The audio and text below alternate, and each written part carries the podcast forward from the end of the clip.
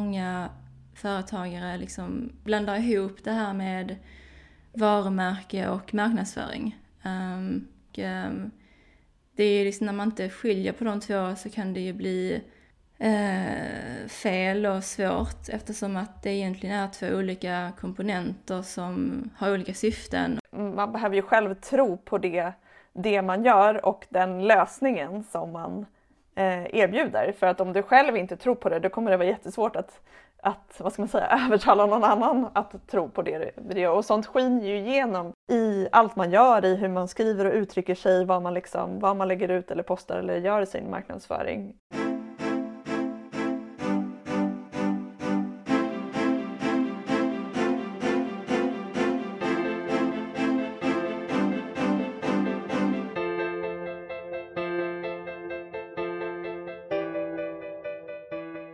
Ja, vi har då Nella med oss på distans och du är coach, eller hur? Yes, jag är business coach och business mentor. Um. Yes. Um, ja, men hej Nella, hur är det med dig då? Hej! Hej!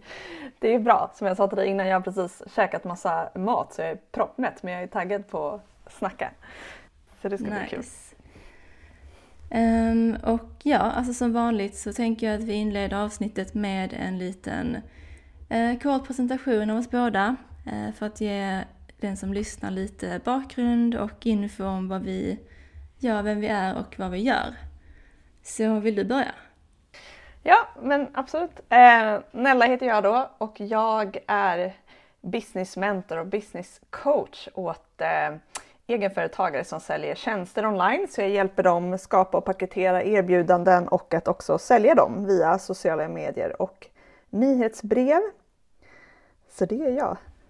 Mm.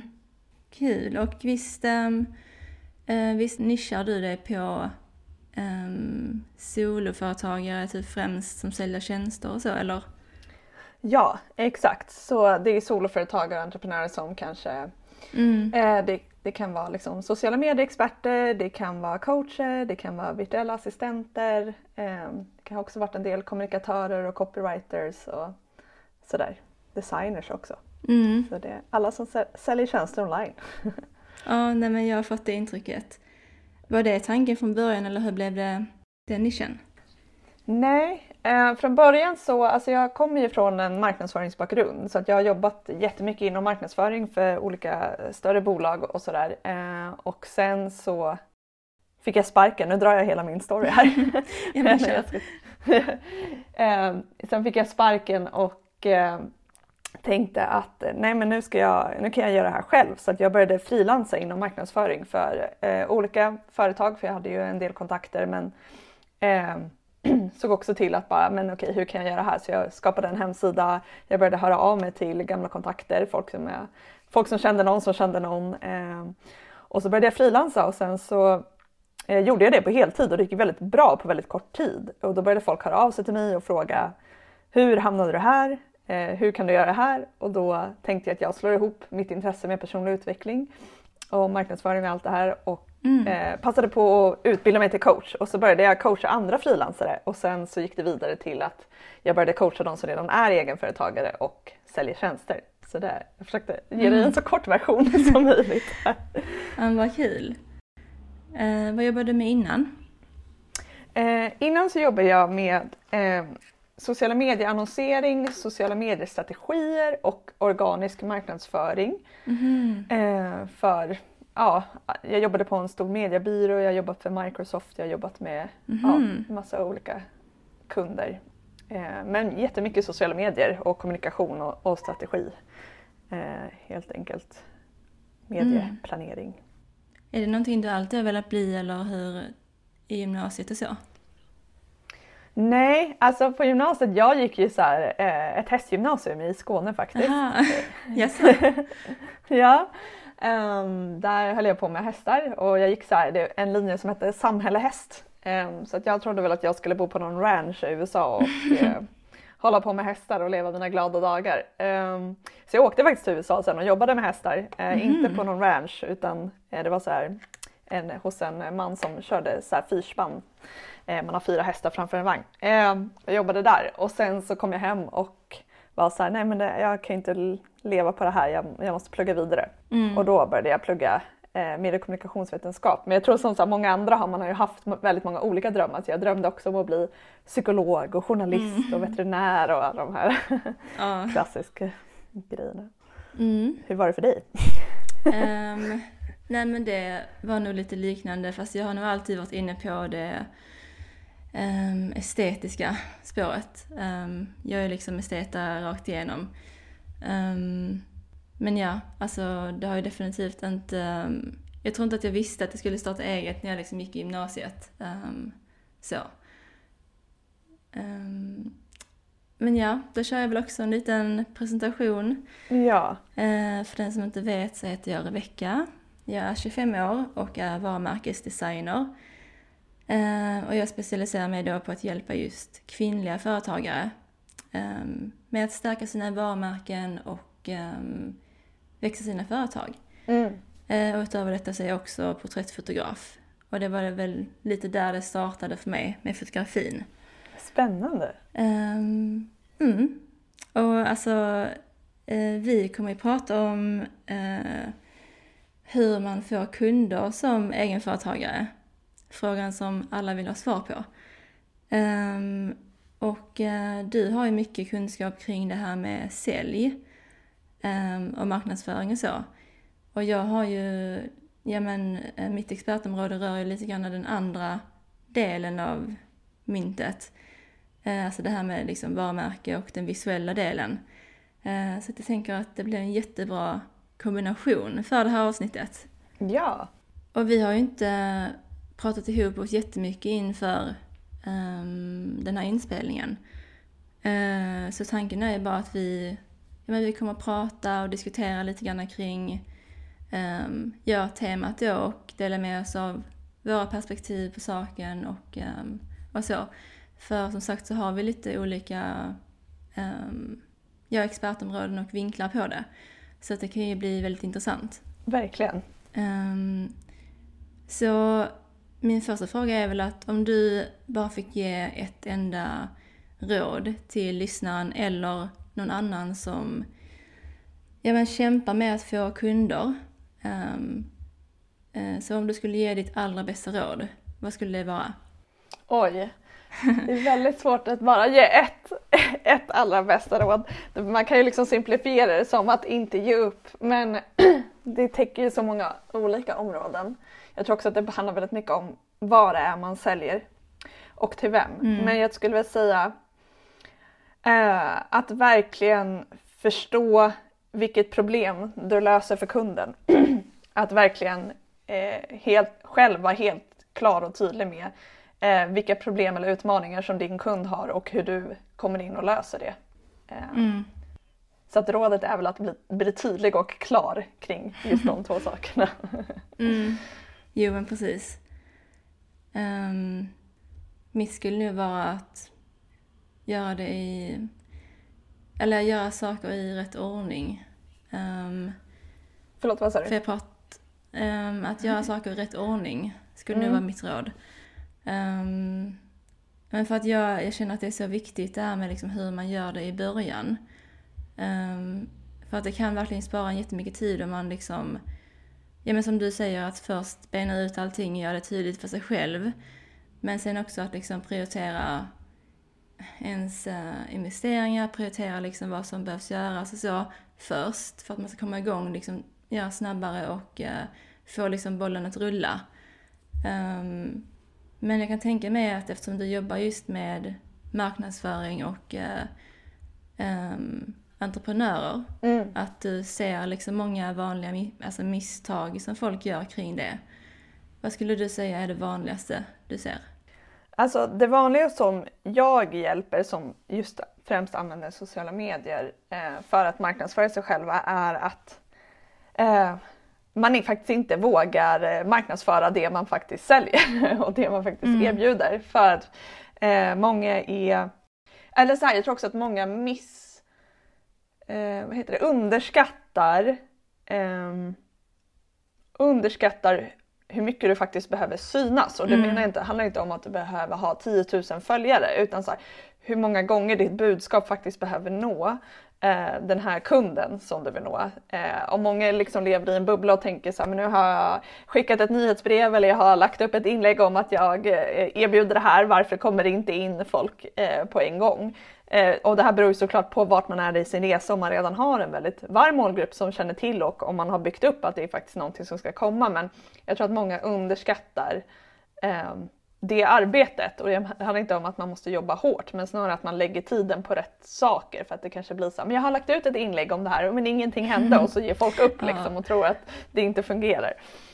Um, så jag skulle säga, ja, on top of mind, att, att man underskattar mm. eh, den tiden. Ja, oh, gud.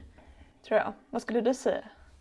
Um, ja, alltså för mig är det ju liksom det här visuella som jag fokuserar på och som jag eh, lägger märke till eh, mest. Um, men just eh, det här med att um, Alltså det här är någonting som många varumärkesdesigners pratar om också mycket att många företagare liksom förväxlar lite grann, eller blandar ihop det här med varumärke och marknadsföring. Um, mm.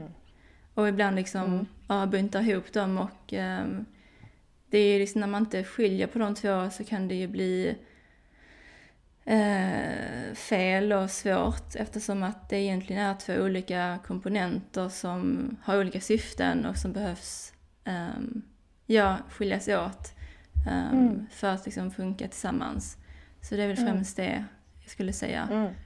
Um, och um, ja, alltså det är verkligen skillnad också på att sälja fysiska produkter och tjänster då.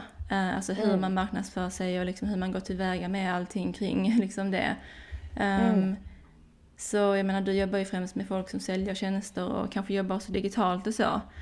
Um, och, um, men så här, folk som kanske jobbar med typ e-handel och liksom säljer på det sättet. Då är det ju liksom en helt annan typ av, ja ett helt annat tillvägagångssätt de måste uh, göra och så. Så att det är ju också att det finns ju ingen mall direkt för hur man ska göra uh, som passar alla. Um, Verkligen, jag tror att det gäller liksom att hitta sin stil också. Eh, mm. Både så här, kring, som du säger, så hur ens varumärke ska uppfattas och vad det är man vill förmedla genom det. Men också hur man säljer och marknadsför sina tjänster. Så här, på vilket sätt vill jag göra det eh, och hur vill jag uppfattas när jag gör det? Eh, och hur löser jag kundernas problem med det här? Mm. Det, är liksom, det är så många steg hela tiden som man, så jag kan verkligen förstå om man är lite nyare att det kan bli eh, väldigt överväldigande att man tänker att det är så många mm. bitar man måste ha på plats för att komma igång. Ehm, men jag brukar säga att ehm, jag vet, alltså jag tycker, jag bara pausar, jag bara ska inte säga någonting dumt här. Eh, nej men så här, jag, jag, vet att många, en del fastnar, även om till exempel så här, hemsida och design och allt sånt är ju superviktigt. för det är ju verkligen någonting som gör att kunderna attraheras och sådär. Men jag tror att är man liksom ganska så ny och inte har kommit igång, det skulle jag säga viktigaste är att lära sig marknadsföra och sälja och där är såklart varumärke och sånt också en jättestor del av det. Eh, men liksom att verkligen ha den här skillen kring hur man marknadsför sig och hur man säljer är ju så otroligt viktigt för att annars så blir det jag har till exempel mött folk som har varit på andra änden som älskar design och så gör jättefina grejer eller liksom bygger upp sitt företag och det ser fantastiskt ut men det händer ingenting för att de inte vet hur de ska marknadsföra sig eller hur de ska faktiskt mm. sälja sina tjänster. Så att båda de här komponenterna är ju jätteviktiga och hör ju ihop. Mm. Eh, vad är din upplevelse av det? Eh, alltså det är nog därför jag eh, också, för jag är liksom grafisk designer i grunden, eh, som många varumärkesdesigners är. Och liksom, ehm, ja i början så sålde jag ju mer liksom um, enstaka saker, typ som logotyper eller liksom den typen av saker. En broschyr hit eller vad det nu var. Och um, det var nog därför jag liksom gick över från det till varumärkesdesign eftersom att, men som du säger, att det räcker ju inte bara med den här visuella biten utan liksom det måste finnas någon tanke, strategi bakom det som hjälper en när man ska marknadsföra sig. Um, för att, ja alltså så, såklart så kan man ju ha liksom hur fin logotyp och visuell identitet som helst. Men liksom, ja men exempelvis är det många som typ så gör den utifrån vad man, vad man själv tycker är snyggt och så. Och då tappar det ju syftet lite grann liksom det här med målgrupp och konkurrenter och marknaden och branschen och så. Och då blir ju också marknadsföringen jättetuff liksom. Um, och då kanske inte ger så bra resultat. Um, så ja. Men jag tänkte på att um, de som kommer till dig, har de ofta liksom hållit på, eller så varit igång ett tag? Eller är de nystartade? Uh de som kommer till mig nu är några som de som har varit igång ett tag och inte nystartade. I början riktade jag in mig till eh, de som ville starta eget eller som var precis nystartade medan mm. jag nu jobbar med de som har eh, varit igång ett tag. Eh, de kanske har eh, de har kanske haft några kunder eh, eller de vill liksom bygga vidare på sina erbjudanden eller börja bygga mm. program eller kurser och så. Eh, så att ja, de som är nystartade behöver kanske också en helt annan typ av support, även om jag har de kunskaperna mm. ungefär som att jag har jobbat med dem. Men just nu är jag eh, vad säger man, i ett stadie i mitt företagande där jag känner att jag hjälper de som redan är igång allra bäst. Eh, mm. Så att, eh. Ja, nej men jag är också lite eh, i samma stadie tror jag. Um, ja men för att det är som du säger lite svårt där i början för att um, Ja, alltså det är inte alla som... Man vet ju inte så mycket i början.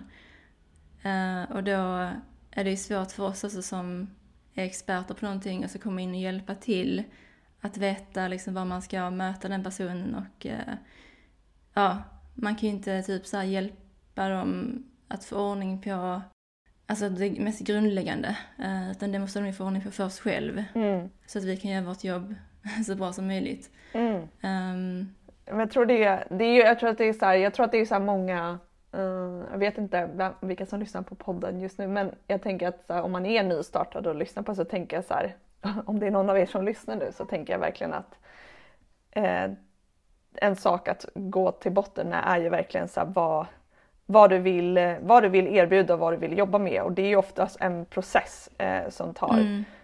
lite tid och man kan få testa sig fram och särskilt i början så är det ju helt okej att leka sig fram. Eh, men har man liksom varit igång ett tag och kanske sålt någonting eller erbjudit en tjänst eller jobbat med någonting i sitt företag under ett tag så brukar man känna efter ett tag att okej okay, men nu vill jag ta nästa kliv, jag kanske vill bredda mina erbjudanden eller jag kanske vill satsa mer på mitt varumärke och min varumärkesdesign eller vad det än är. Ehm, men det brukar liksom komma i ett senare skede. Ehm, ja. I min upplevelse. Ja. Um, alltså rekommenderar du också, jag tänker på så när du jobbar med eller när du jobbade med nystartade då och eh, i jämförelse med nu, eh, när det kommer folk som är lite mer så etablerade. Eh, alltså, rekommenderar du olika saker då? Jag tänker på annonsering exempelvis och liksom, är det viktigare när man är nystartad eller liksom när man inte har någon publik eller så? Um, mm. Eller hur tänker du kring det? Kring annonsering eller bara generellt om jag rekommenderar olika? Ja, generellt vad liksom, hur du jobbar med alltså, de olika stadierna.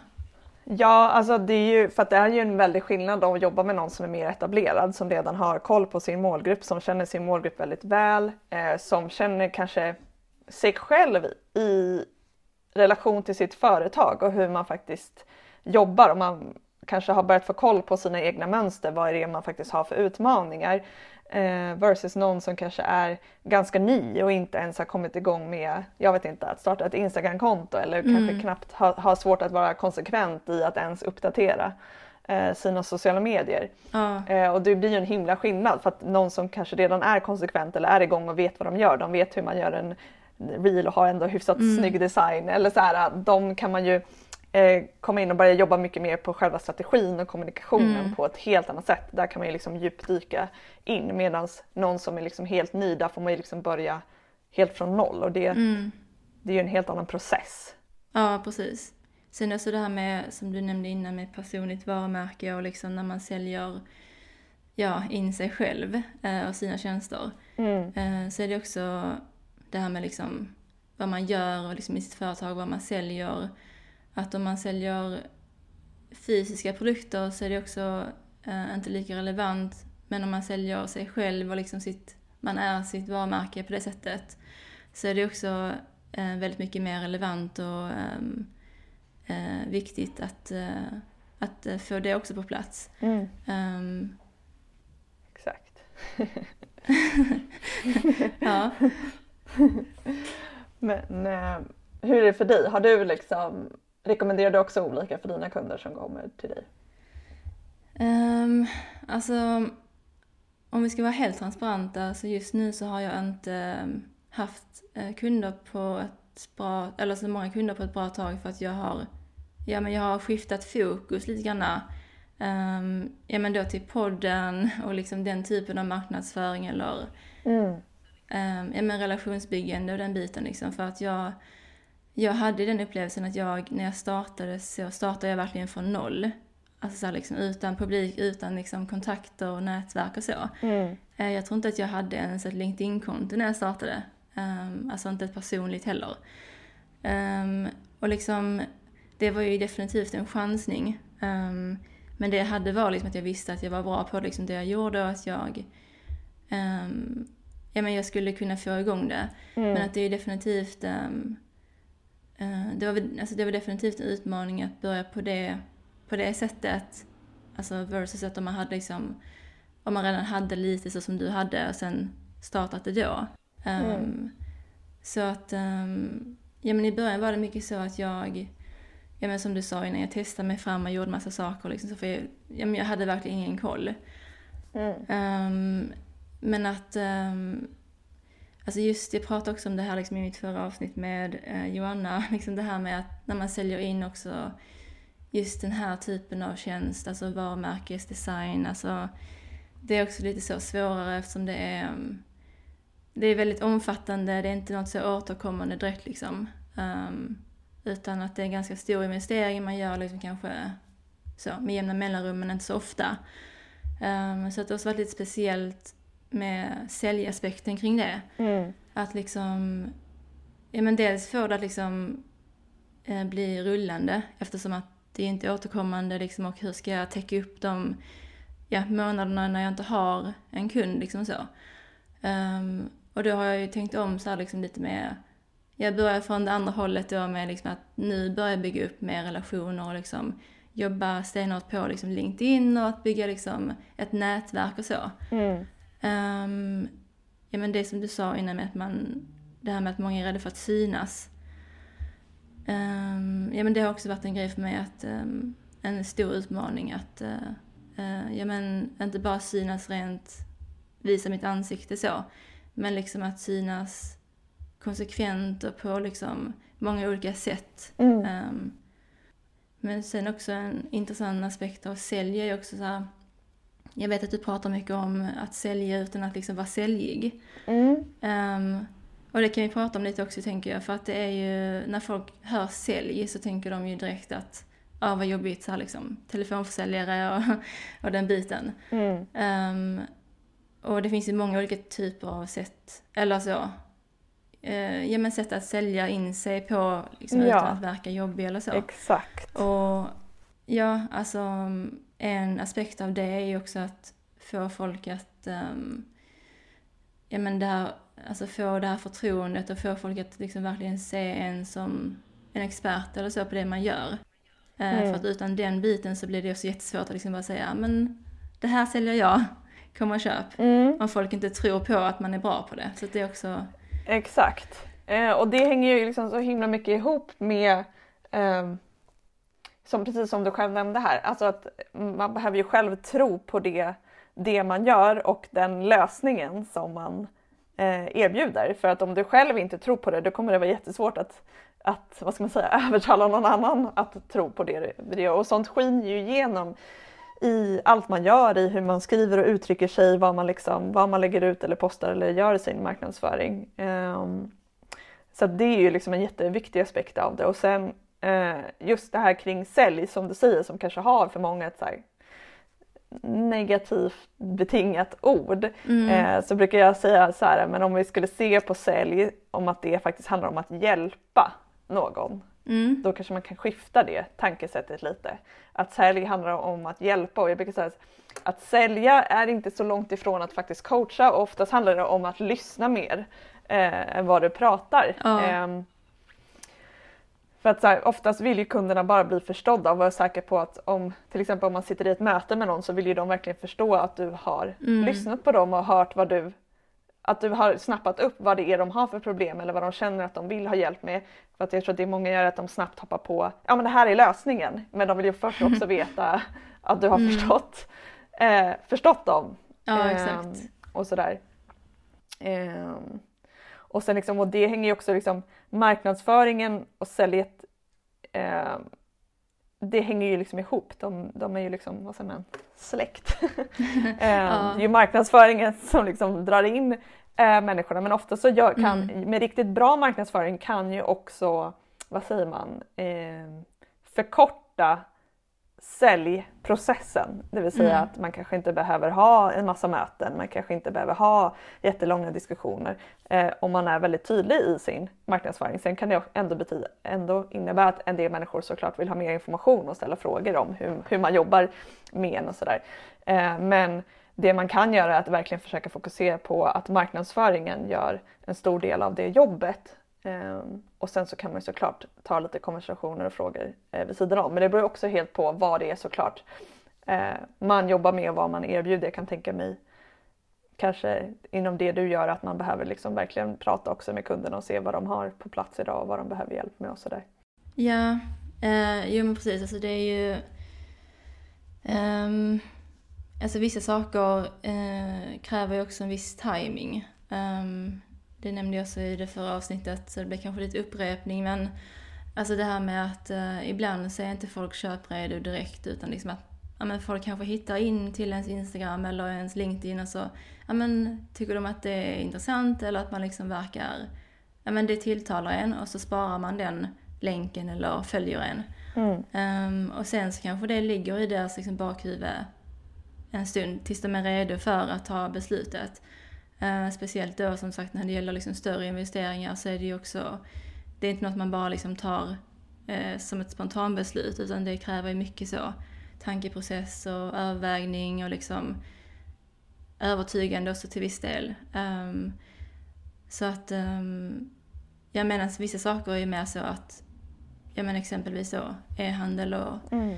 eh, produkter och så. Det är mer liksom att folk kanske köper på plats eller att de tar ett beslut väldigt fort. Ehm, Precis, och det här tror jag också handlar verkligen om, det är därför jag pratar om att man måste våga kanske prata, eller man måste våga prata mer om det man erbjuder mycket oftare. Jag brukar ta eh, ett exempel att eh, om jag följer typ någon hundtränare, jag har en hund, eh, som eh, har beslutat sig för att skapa en kurs om hur man får sin hund att eh, bli trygg till att gå till veterinären. Eh, och så tänker jag då som har en hund som tycker att det är jobbigt att gå till veterinären, så ah, vad bra att, att den här personen har en kurs eh, inom det. Det ska jag komma ihåg. Och så har de lagt ut om det en gång. Eh, och sen så tänker jag så här, men jag behöver inte gå den här kursen nu för det är inte så aktuellt. Vi ska inte till Mm. veterinären snart. Eller av någon anledning, någon anledning så skjuter jag upp det. Eh, det är bara, jag bara registrerar snabbt att ah, men det är någon som erbjuder det här, toppen. Bra att veta. Eh, men så går det lite tid och så kanske jag har eh, en veterinärtid inbokad om några veckor och så tänker jag, men gud var det inte någon som erbjuder den här Mm. kursen? Men så har den personen slutat prata om det, då kommer inte jag hitta tillbaks eller komma ihåg det. Och det kan ju också vara så här att om personen kanske, kanske skulle kun, hade kunnat fånga upp mig där redan då om den fortsatte prata till mig redan där och sa så här, Mm. vänta inte tills du har ett veterinärbesök inbokat för du vet aldrig när, vad som händer. Eh, utan du kanske redan ska ta det här steget nu så att din, du och din hund faktiskt är beredda när det här veterinärbesöket Mm. väl sker. Eh, så att det finns ju liksom jättemånga fler sätt att se på det, det här med att faktiskt våga dyka upp konsekvent. Eh, Mm. Så att man också blir ihågkommen men också förstå varför man kanske ska ta action nu och inte vänta Mm. liksom, tre månader. Eh, Ja, jo men verkligen. Alltså vi är ju väldigt så att vi behöver upprepning, upprepning för att liksom eh, någonting ska sätta sig på hjärnan. Ehm, så det är verkligen så här typ upprepning, igenkänning och liksom att ehm, eh, ja, alltså för att som företagare så för sitt egna företag och liksom när man marknadsför sig själv så ser man ju det liksom varje dag. Alltså allt material man gör liksom och när man lägger upp inlägg så känns det ibland som att man, åh, jag lägger upp typ varje dag, jag lägger upp så här liksom jättemånga stories och det känns som att man liksom hela tiden eh, påminner och påminner. Mm. Men att egentligen de som kollar kanske inte ens ser en tiondel av det man lägger upp. Mm. Och liksom det får man komma ihåg också att ehm, det är så mycket liksom idag med sociala medier, det är så mycket som händer, så många konton, så många företag och så, så att man liksom är verkligen en liten nål i en höstack eller så. Ja, um, egentligen. exakt. Um, är det någonting du känner att du skulle vilja prata om, alltså fördjupa dig i? Mm. Tänk att du kan styra lite grann för att sälj är ju så brett, alltså det finns så mycket att prata Mm. om egentligen. Ja, precis. Ehm, ja men jag tänker det är väl typ ehm, Ja men lite det som vi var inne på, alltså att det är ju Jag tror att det är så viktigt att se ehm, företagandet, försäljningen och marknadsföringen lite som en butik som är öppen hela tiden och att man Mm. måste kunna handla där. Eh, och det blir ju en himla skillnad, kanske någon som lyssnar nu som tänker vad fan jag har drivit butik, eh, en fysisk butik och det, det är väl en skillnad men det är inte som att man bara åh nu har jag haft butiken öppen en dag. Eh, det känns så himla tjatigt så att nu stänger jag ner butiken eh, i Ja. några dagar här. Utan eh, det är ju varje dag bara att det här skyltfönstret behöver uppdateras mycket oftare eh, Ja. online än vad det behöver göra kanske i en fysisk eh, butik. Ja Ehm, men gud, det är sant. Det var en bra liknelse. man måste gå in eh, i liksom, företagandet och sälj och att få kunder eh, som ett långsiktigt arbete. Jag tror att många, många är väldigt eh, här, när vi lägger in en effort, eh, vad heter det på svenska? Jag kommer börja prata swinglish nu, men då vill vi ofta ha, när vi lägger in Ja, men när vi lägger in arbete på någonting eller när vi har gjort någonting, då vill vi gärna direkt få feedback, direkt, direkt se resultatet av det vi har gjort, att det lönar sig. Eh, det som kanske är det är lite mer kluriga när det handlar om kunder är att man också måste tänka mer långsiktigt, att det arbetet du lägger idag kommer också löna sig längre fram. Så att bara för att du eh, gjorde den här saken idag så behöver det inte betyda att det trillar in tio nya kunder eh, imorgon. Men däremot om du fortsätter göra den här saken varje dag eller varje vecka så kommer det mynna ut i att fler och fler kunder hittar till dig och kommer till dig och att många eh, letar efter det här kortsiktiga resultatet och ser också människor som kanske får resultat väldigt snabbt men det de inte vet om är att de här människorna kanske kommer med en stor marknadsföringsbakgrund eller eh, är väldigt duktiga på design eller kommunikation eller kanske har ett väldigt bra kontaktnät sedan innan eller har byggt upp ett starkt personligt varumärke så att jag tror att det som kan bli lite tokigt i typ den här sociala medievärlden är att alla utsätts för olika budskap om hur lätt och enkelt folk får kunder och att det ska Mm. vara så himla lätt och enkelt och det ska inte vara svårt. Eh, vilket jag håller med om men vi, det vi liksom glömmer bort är att alla börjar ju från olika punkt, startpunkter och Mm. det blir så konstigt att om Lisa som aldrig aldrig hållit på med marknadsföring eller vet, vet hur det funkar men är jätteduktig på det hon gör, vi säger Mm. design. Eh, men hon kanske inte hållit på med liksom just med att skriva eller att marknadsföra på det sättet på sociala medier. Då kanske det blir en svårare tröskel jämfört med någon som har jobbat med det väldigt mycket och har väldigt mycket kunskap inom det och för dem är det inte lika hög tröskel vilket gör att de kan liksom rulla igång eh, snabbare. Ja. Så jag tror liksom det här med att få kunder handlar ju om att, ja men lite som vi sa där från början, att så här, veta vad du har för, veta vad dina kunder har, eller dina kunder din målgrupp har för problem eh, och vilken lösning du erbjuder, men också hur du ska kommunicera det här till de människorna så att de förstår att okej, det är eh, Lisas hjälp, eller Rebecca eller Nellas hjälp som jag behöver eh, mer specifikt den här saken. Och jag tror Mm. typ också ett stort misstag många gör är att de tänker att de kan hjälpa alla med lite allt möjligt och det blir så här supervagt. Eh, Ja. För att jag, jag går ju hellre till Sofia som är yogaproffs Ja. än att gå till Lisa som är yogaproffs, designer, eh, fotograf och bla bla Ja. bla. Eller om, alltså så här, då blir jag så här, men jag vill ju ha hjälp med yoga och här är någon som säger att Mm. de löser mitt yogaproblem. Ja men exakt. Alltså ehm, det är också så att det känns som att många um, startar någonting också i en väldigt mättad bransch och så liksom och ju, ja uppenbarligen ju fler konkurrenter och ju liksom eh, mer mättat det är liksom desto svårare blir det också för, eller desto mer jobb måste man lägga ner i liksom att synas och marknadsföring och så. Eh, det var också så här, därför jag nischade mig. Um, för att jag såg liksom att det det saknades här i Sverige. Liksom. Det Mm. är inte lika utforskat område. Ehm, det finns ju ett hav av liksom, grafiska designers. ehm, eller designers som också är ännu mer liksom, brett. Ehm, den typen av liksom, kompetenser finns, ju hur, finns det ju hur mycket som helst av i Sverige. Liksom, och så.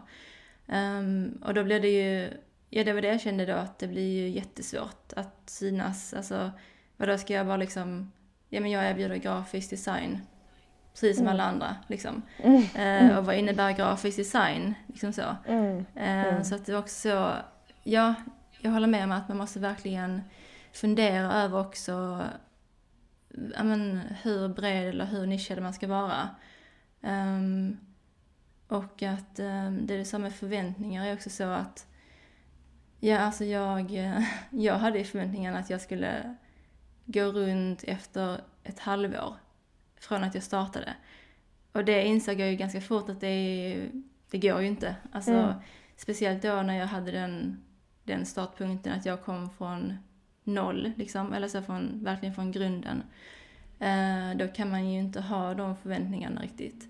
Så att, ehm, ja, det, det är som du säger att, ehm, att eh, det handlar kanske inte alltid om att det är att man inte får kunder, utan det kanske också handlar om att man, man har lite orealistiska förväntningar på hur snabbt det ska gå. Ehm, Ja precis, det finns ju liksom två håll från dem. De som tror att det ska gå över en natt. Eh, men också de som kanske håller på och, eh, vad ska man säga, kämpar på i evighet, i månader Mm. utan att få resultat. Och jag tänker så här, det är också en balansgång som man får känna, känna in Mm. själv. Att så här, har jag suttit och gjort samma sak om och om igen, månad efter månad och inte har sett något resultat av det, ja men då är det kanske faktiskt någonting jag behöver ta hjälp med. För att Ja. för att så här, då kanske det inte är Alltså då kanske det finns någonting som jag faktiskt skulle kunna bli bättre på eller skulle kunna ta hjälp med. Ja. Eh, och samtidigt som det är så här, och någon som faktiskt sitter och gör någonting som de vet är någonting de bygger långsiktigt och har en plan och har en strategi som Mm. de vet fungerar. Eh, då kan det ju saker gå snabbare. Eh, så det, jag skulle säga att det beror liksom väldigt mycket på vad, som jag sa innan, jag upprepar mig här igen, men alltså vad man har för kunskaper sedan innan. Men det som också är så här, jag tror också, också att det kanske är någonting man liksom ska fundera över. Att så har jag suttit och gjort samma sak om och om igen och då kommer jag bara få eh, samma resultat. Mm. Eh, men då kanske det är någonting jag behöver ändra. Men som sagt, det finns ju två sidor där. Sen finns det de som sitter också och ändrar strategi varje vecka och ser inte Ja, resultat för att de bara ändrar hela Ja. tiden. Eh, så att, så att det är verkligen en balansgång. Eh, Mm. Det där. Jo, ja men det är verkligen sant. Um, alltså för att det är så här, alla säger ju att det är bra att vara konsekvent och liksom uthållig och så. Men att ehm, om man ehm, inte har liksom en strategi eller om man bara kör på på måfå liksom. eh, då kanske inte det är så smart att vara konsekvent i just det. liksom. Mm. Att, Mm. ehm, ja, att vara konsekvent, ja, alltså utgå ifrån att man vet vad man gör och att man har en plan liksom.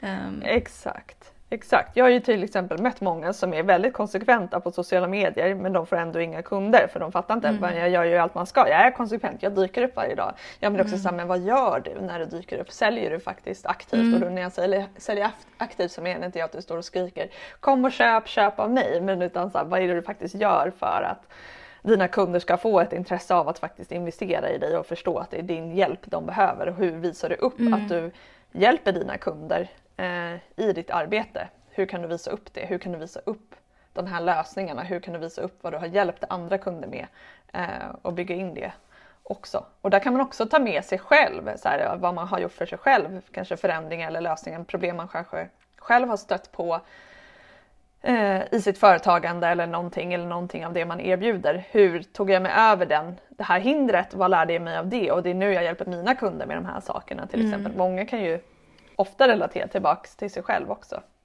som egenföretagare. Ja, precis. Sen så känns det också som att, ehm, eller min um, upplevelse är också att många eh, som är väldigt bra på någonting startar ett alltså företag i tron om att liksom det räcker. Men att sen bli chockade över hur mycket, hur många hattar man måste ha, liksom, hur mycket som krävs av en att driva eget. För att det är inte bara så att man men jag kan starta eget och så kör jag det jag är bra på.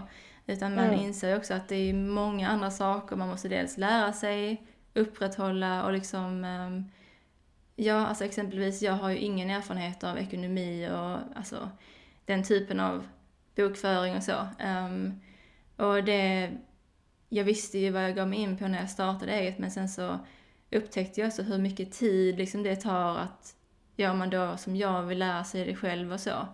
Ehm, och att det var ju många andra saker också det här med ja, marknadsföring, sälj och sånt som inte jag heller har någon direkt erfarenhet eller kunskap kring på det sättet. Då blir det också så att alltså, de sakerna tar ju också tid ifrån liksom, det man är, brinner för och är bra på. Liksom. Eh, så att jag tror att många kanske också blir chockade över den biten och då besvikna på att jag rullar inte in några kunder eller jag liksom, det går inte så snabbt som jag tänkte mig för att man kanske sitter och lägger ner jättemycket tid på det administrativa och liksom sånt som är, ja, måste göras i ett företag. Och då blir det också svårt att liksom få bollen att rulla om liksom det inte, man inte kan lägga så mycket tid på det som man förväntade sig. Exakt, ja, ja det är ju verkligen en chock jag tror många får och många tänker oftast bara men jag vill bara göra det jag är bra på. Mm. Men då är det så att som egenföretagare som du säger så måste man ju ha på sig de här olika hattarna och det är så här, okej kan man inte göra det själv om man inte vill om man inte vill lägga, absolut inte vill lägga tid på det då får man ju betala för att ta hjälp för att någon annan gör det Ja. åt en eller hjälper en. Eller så kan man investera i att någon lär en eh, eller hjälper en komma Ja. igång. Men det är liksom oundvikligt att driva företag så måste du ju kunna marknadsföra och sälja det du gör. Eh, och det är därför jag brukar säga att om man kan börja se sälj och marknadsföring som att du hjälper dina kunder och att du utbildar dina kunder så att de faktiskt är redo. Bara kanske genom din marknadsföring Mm. att ta steg att de förstår att okej, det är det här jag behöver hjälp med. Det här är anledningen till att jag behöver hjälp med det här. Eh, för att det hade jag redan lärt mig via den här personens content. Eh, då kommer folk också vara mycket mer redo och investera. Eh, nu pratar jag på här. Men ja, Ja, men helt enkelt. helt enkelt att eh, man kommer inte ifrån att behöva marknadsföra och sälja eh, om man vill leva på sitt företag i alla fall. Nej. Så är det. Mm. Vad, ehm, vad skulle du säga att eh, du, ehm, alltså om du skulle få göra om din företagsstart eh, nu med allting du vet, Mm. vad skulle du göra annorlunda då?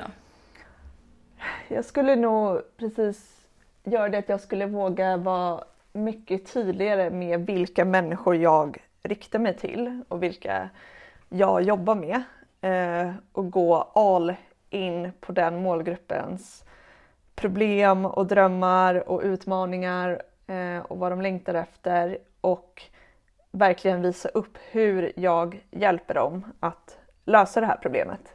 Eh, jag skulle, precis, med det jag vet idag så skulle jag varit mycket tydligare från början Mm. och inte hållit på och mjäkat runt. eh, men vilket också är okej och vilket många gör. Jag tror liksom att det är en del av processen men det är alltid lätt att titta tillbaka i backspegeln och se vad man hade gjort annorlunda. Mm. Men jag hade verkligen lagt min energi på att förstå marknadsföringen i sociala medier och våg, vågat vara tydlig eh, till att jag pratar till de här kunderna och inte hålla på och people pleasa i mitt content och tänka att alla ska tycka om mig utan snarare så här alla behöver inte tycka om mig utan det är de här personerna som jag vill jobba med, det är de som Mm. ska tycka om det här och vilja, vilja investera i det här. Vad tänker du själv? Eh, nej men det är nog det som jag liksom säger ganska ofta, att göra saker i rätt ordning. ehm, för att jag, jag hade en ganska eh, dålig start kanske, eller så. Inte dålig men typ att jag ehm, eh, tog många liksom omvägar som inte jag hade behövt ta. Om jag bara hade liksom satt mig ner och tänkt igenom det lite bättre och ehm, jag har prioriterat mer i rätt ordning. Ehm, men också jag tänker att um, alltså det här med investeringar är väl också en grej att, um, ja men som vi pratade om innan, att just i början så skulle jag i alla fall rekommendera att man investerar också lite grann. Ehm, för det känns som att många startar också med väldigt minimalt kapital eller så. Mm. Och, ja men kanske för att man har de här liksom för, förväntningarna på att det kommer gå fortare än vad man tror, att man inte kommer behöva liksom lägga ut egna privata pengar eller så. Och um, ja, men det känner jag är en ganska avgörande faktor också att ju större kapital man har i början undansparat eller generellt liksom, desto mer alltså, möjligheter har du i början också. För att uh, ju fler investeringar man gör i början i sig själv, men också så typ, ja, i sitt företag, alltså i form av saker eller eh, kurser eller vad det nu är. Desto fortare kommer det ju att eh, komma igång liksom. Mm. Um, och um, jag vet inte, hade du några stora investeringar i början?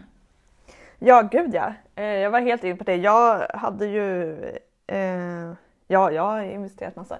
Nej men jag, eh, när jag till exempel bytte riktning från eh, att vara frilansare inom marknadsföring till att börja coacha andra så, eh, så investerade jag själv i en, eh, en business coach till exempel och det var mm. inte som att jag var så här, jag tror att många liksom också tänker så här, jag ska investera sen när någon annan har investerat i mig och det är ja. så himla bakvänt tänkt. Ja. Att så här, jag väntar på att någon annan investerar i mig innan jag investerar.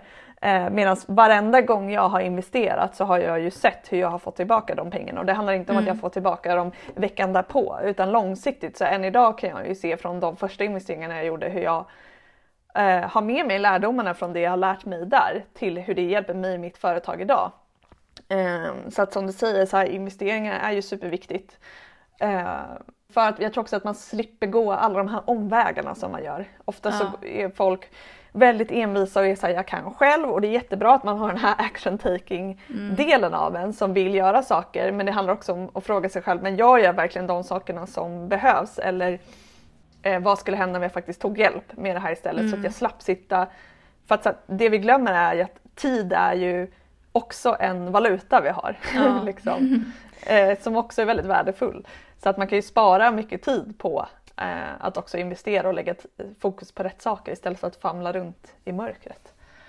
Ja, nej men precis, det är just det att um, man inser ju hur mycket längre tid saker tar också. Um, man har många saker att göra och de tar väldigt lång tid oftast.